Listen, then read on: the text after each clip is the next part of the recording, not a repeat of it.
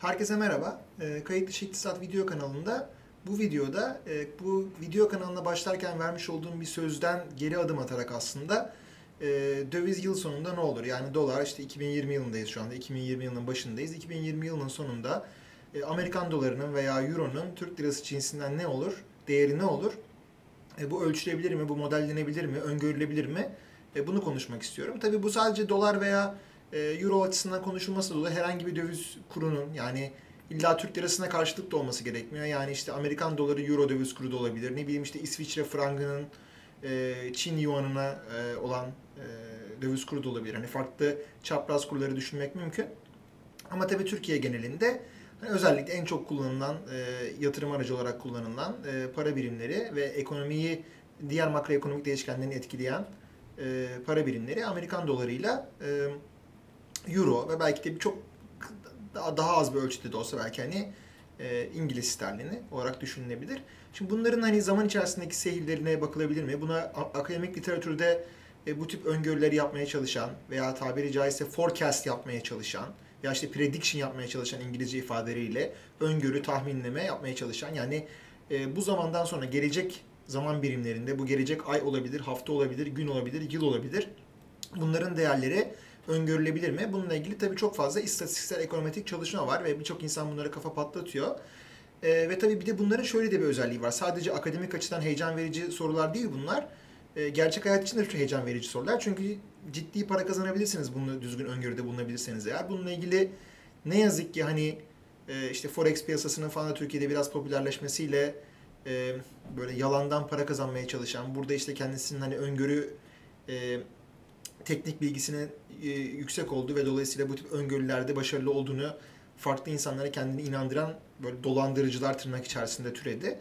E, hani bunlar e, biraz böyle bu, bu tip öngörülerde bulunabildiklerini insanlarla paylaşıyorlar ve ne yazık ki hani e, kandırılmaya açık yatırımcılar da ne yazık ki hani bunların sözlerine kanıp e, bu tavsiyeler doğrultusunda yatırım yapıp sonradan hayal kırıklığına uğrayabiliyor ne yazık ki.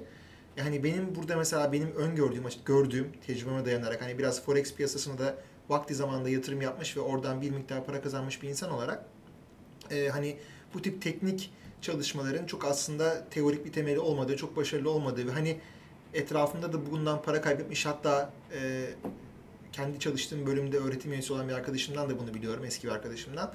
E, para kaybetmiş insanları gördükçe insan tabii hani e, bu tip olan bu tip e, teknik analiz yaptığını iddia eden insanlara olan güvenini iyice kaybediyor açıkçası. Şimdi bunlar güvenilir öngörüler midir? Bu öngörüler hangi teorik temellere dayanıyor? Herhangi bir teorik temeli mı? Bunları konuşmak istiyorum. Ancak bu konuşmayı yapmadan evvel size birkaç tane çalışmada göstereceğim dediğim gibi e, bu tip çalışmaları ikiye ayırmak mümkün. Ben hani piyasada, Twitter'da, sosyal medyada, işte YouTube'da falan böyle tırnak içerisinde teknik analiz yaptığını iddia eden çalışmaları göstermeyeceğim size. Çünkü o teknik analizler gerçekten bence tamamen kurgusal, e, hiçbir teorik temeli olmayan, hiçbir ekonomik teori temeli olmayan e, analizler tırnak için. Analiz bile denmez aslında. Hani bundan kastım şu özellikle forex piyasasında oynayanlar belki biliyorlardır. Oynayanlar diyorum hani sanki böyle kumar oynamak gibi aslında çünkü forex piyasası bir yatırım da değil aslında. Her ne kadar hani köken olarak yatırımsal olarak çıktıysa da e, ama e, yatırım değil aslında. Hani tamamen kumar gibi bir şey ve e, orada kullanıldığı iddia edilen teknik analizlerin hiçbir teknik yönü olmadığını öncelikle vurgulamak isterim. Yani orada onunla ilgili hele bir de onlara biraz böyle bilimsel süs vermek için işte farklı e, metotlar geliştirmiş. Sanki böyle farklı bir çok sofistike istatistiksel metotlara dayanıyormuş gibi gösteriliyor bir kısmı. Ki öyle değil. Hani çok e, basit, temel ve e, aslında çok ucuz veya hiçbir derinliği olmayan metotlara dayanıyorlar. Hani biz bizzat aslında bunların üzerinde vaktiyle çalışmış, çalışmış bir insan olarak söylüyorum. O yüzden o teknik analizi bir kenara bırakıyorum. Benim bu videodaki amacım bu tip bir teknik analizi yapmak değil. Benim bu videodaki amacım akademik literatürde e, döviz kuru hareketlerinin bu volatilite de olabilir, seviyesi de olabilir. Öngörülüp öngörülemeyeceğiyle ilgili ne çalışmalar yapılmış? Bu çalışmalar genel olarak ne söylüyor? Yani tabii her biri farklı zaman birimi için, farklı veri setleri kullandıkları için farklı sonuçlara ulaşmış olabilirler ama genel olarak ne söylüyor? Bunu vurgulamak. Şimdi isterseniz bu konuyla ilgili yapılmış bazı çalışmaları kısaca birlikte bakalım. Burada göstermek istediğim ilk çalışma e, Mies Rogoff'un Empirical Exchange Rate Models of the 70s isimli çalışması. Do they fit out of, out of sample ismi. Journal of International Economics'e yayınlanmış çalışma. Bu dediğim gibi hani döviz kurunu e, ilerleyen yıllardaki, ilerleyen aylardaki, ilerleyen günlerdeki eğer günlük veri kullanıyorsanız seyrini öngörüp öngöremeyeceğimizle ilgili bir çalışma ve burada gösterilen bu ilk çok eski bir makale aslında 1983 yılında yazılmış ve 70'lerin davranışıyla ilgili yazılmış bir makale. 70'lerdeki döviz kuru davranışlarıyla ilgili yazılmış bir makale. Burada gösterilen çok güzel bir sonuç var o da şu. E, bizim işte rastsal yürüyüş denilen random walk yani bir sarhoş insanın yürüyüşü gibi düşünün. Böyle hani gelişi güzel, herhangi bir böyle şekle, herhangi bir böyle bir e, biçime tabi olmadan. E, bu yürüyüşten yani genelde çünkü bir modelin mesela başarısını gösterirken e, bu random walk yani rastsal yürüyüş modeli mi daha iyi açıklıyor e, döviz kurunun hareketini yoksa hani bir teorik veya ampirik veya işte ekonometrik bir modele dayanan model mi daha iyi açıklıyor diye karşılaştırma yaparken genelde hep rastsal yürüyüş modellerinden daha iyi açıklayıp açıklamamaya bakılır. Ve burada gösterilen sonuç hayır rastsal yürüyüş modellerine göre daha iyi açıklayamıyor e, bu döviz kuru modelleri. Gösterilen sonuç bundan ibaret. Daha sonradan bu modelin biraz daha günceli, bu, bu bulgunun biraz daha günceli 2000 e, yılında e, yayınlanmış bir çalışma var. Oswald Togoff 2001 yılında zannediyorum American Economic Review'da yayınlandı. Burada Six Major Puzzles of International Macroeconomics deniyor. Yani e, uluslararası makro iktisatın en önemli 6 puzzle'ı e, çözülemeyen puzzle gibi, sürpriz sonuçları gibi aslında. Bunlardan bir tanesi de yine böyle bu döviz kurunun hareketliğine teorik ve ampirik modellerin açıklayamaması aslında. Daha sonradan başka bir çalışma daha var. Yine Rogoff'un yazdığı 2011'de Continuing Puzzle of Short Horizon Exchange Rate Forecasting. Yani gene burada da e, kısa vade için döviz kurunun hareketiyle ilgili öngörü yapmanın işte zorluğu veya imkansızlığı tırnak içerisinde anlatılıyor. Ee, daha sonra göstermek için daha yakın zamanda yapılmış bir çalışma. Yine bu NBR'da National Bureau of Economic Research. Bu National Bureau of Economic Research arkadaşlar e, Amerika'da e, çok saygın iktisatçıların bir araya gelerek kurdukları bir think tank aslında. Devletten çok da ciddi anlamda destek alan bir think tank. Ne yazık ki Türkiye'de bir karşılığı yok. E, burada yine yapılmış önemli bir çalışma var. Burada göstermek istediğim bir ifade var. O çok gayet ilginç bir makale. Bakın burada e, bu ilginç bir ifade. No model consistently outperforms a random walk by a mean squared error measure, although a purchasing power parity does fairly well. Şimdi burada farklı modelleri döviz kurunun öngörülebilirliği açısından test ediyorlar. Bir model biraz başarıya yaklaştı da diyor aslında ama hiçbir model e, düzenli olarak bu random walk yani rastsal yürüyüşü, bu sarhoş adamın yürüyüşünü geçemiyor diyor. Dolayısıyla hani bu da aslında çok pesimist bir sonuç e, bir bakıma. Göstermek istediğim birkaç çalışma daha var. Burada mesela Exchange Rate Forecasting yine Journal of International Economics 2003'te yayınlanmış bir çalışma. Burada da yine e, her, her ne kadar bazı zaman birimlerinde başarılar yakalansa da hani genel olarak döviz kuru hareketinin çok da böyle öngörmenin mümkün olmadığını gösteriyor ki aslında burada farklı para birimlerine bakıyorlar. Hani Türk lirası zannediyorum ki yok burada ama farklı para birimlerine bakılıyor. Bazı para birimlerinde özellikle daha oturmuş dövizler kurullarında yani ne bileyim işte euro dolar gibi mesela. E, bunda biraz daha öngörü yapmak bir nebze bazı dönemler için mümkünken özellikle gelişmekte olan ülkeler hani bu yükselen piyasalar denen emerging market döviz kurlarında bu çok daha zor tabii ki. E, DSG yani dinamik stokastik genel denge modelleriyle de yap, yapılmaya çalışan öngörüler var. Bunlar da ne yazık ki çok başarılı olamamış.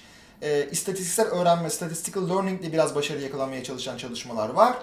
Ve e, bir de bazı çalışmalar hadi biz madem döviz kurunun seviyesini açıklayamıyoruz, öngöremiyoruz bari en azından döviz kurunun oynaklığını yani volatilitesini açıklayabilir miyiz? Bunu öngörebilir miyiz? Forecast edebilir miyiz? diye bakıyor. Bunda da ilgili çok güzel bir, bir arkadaşım önerdi Abdullah Yalaman sağ olsun Eskişehir Osman Gazi Üniversitesi'nden. Onun önerdiği bir çalışma Journal of Economic Literature dergisinde yayınlanmış 2003 yılında.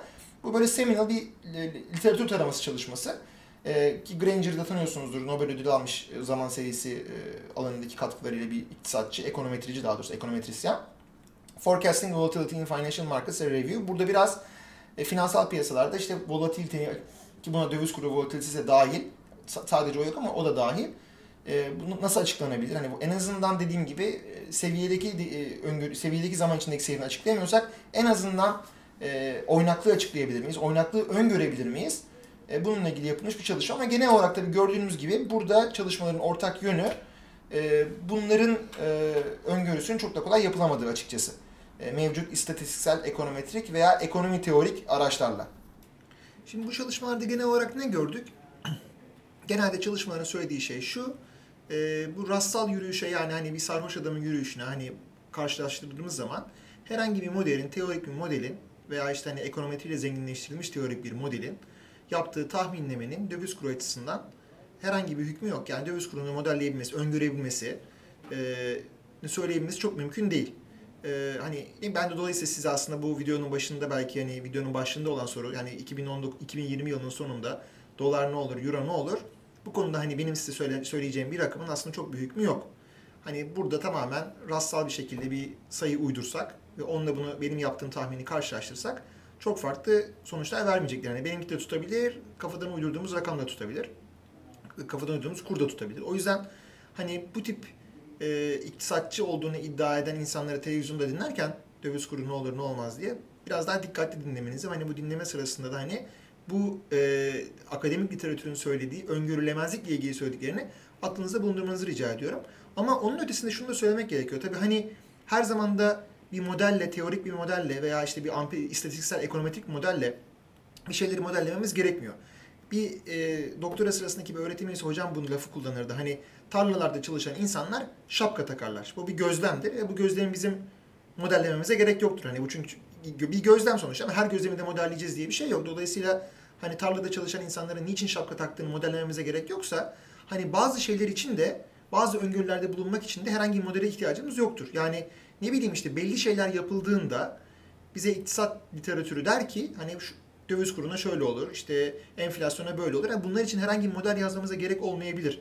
Yani ne bileyim ben dışsal bir şok olduğunda, işte ne bileyim ben kamu maliyesinde çok ciddi açıklar olduğunda, e, işte bir ülkede kurumsal kalite çok düşük olduğunda, demokrasi yerlerde süründüğünde vesaire hani ekonomiye şöyle şöyle şeyler olabilir. Döviz kurları da bu yönde hareket eder demek için bir herhangi bir işte istatistiksel, ekonometrik, teorik, ekonomi teorik model e, ihtiyacımız yok. Bunu zaten hani biz kendi intuition'ımızla yani iktisadi anlayışımızla, iktisat okumamızla söyleyebiliriz.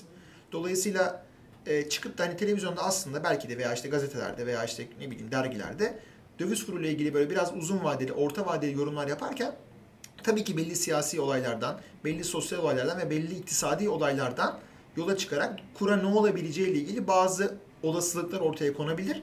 Bunda bir yanlışlık yok, bunda bir anormallik yok. Bu gayet normal bir şey, bu yapılabilir tabii ki.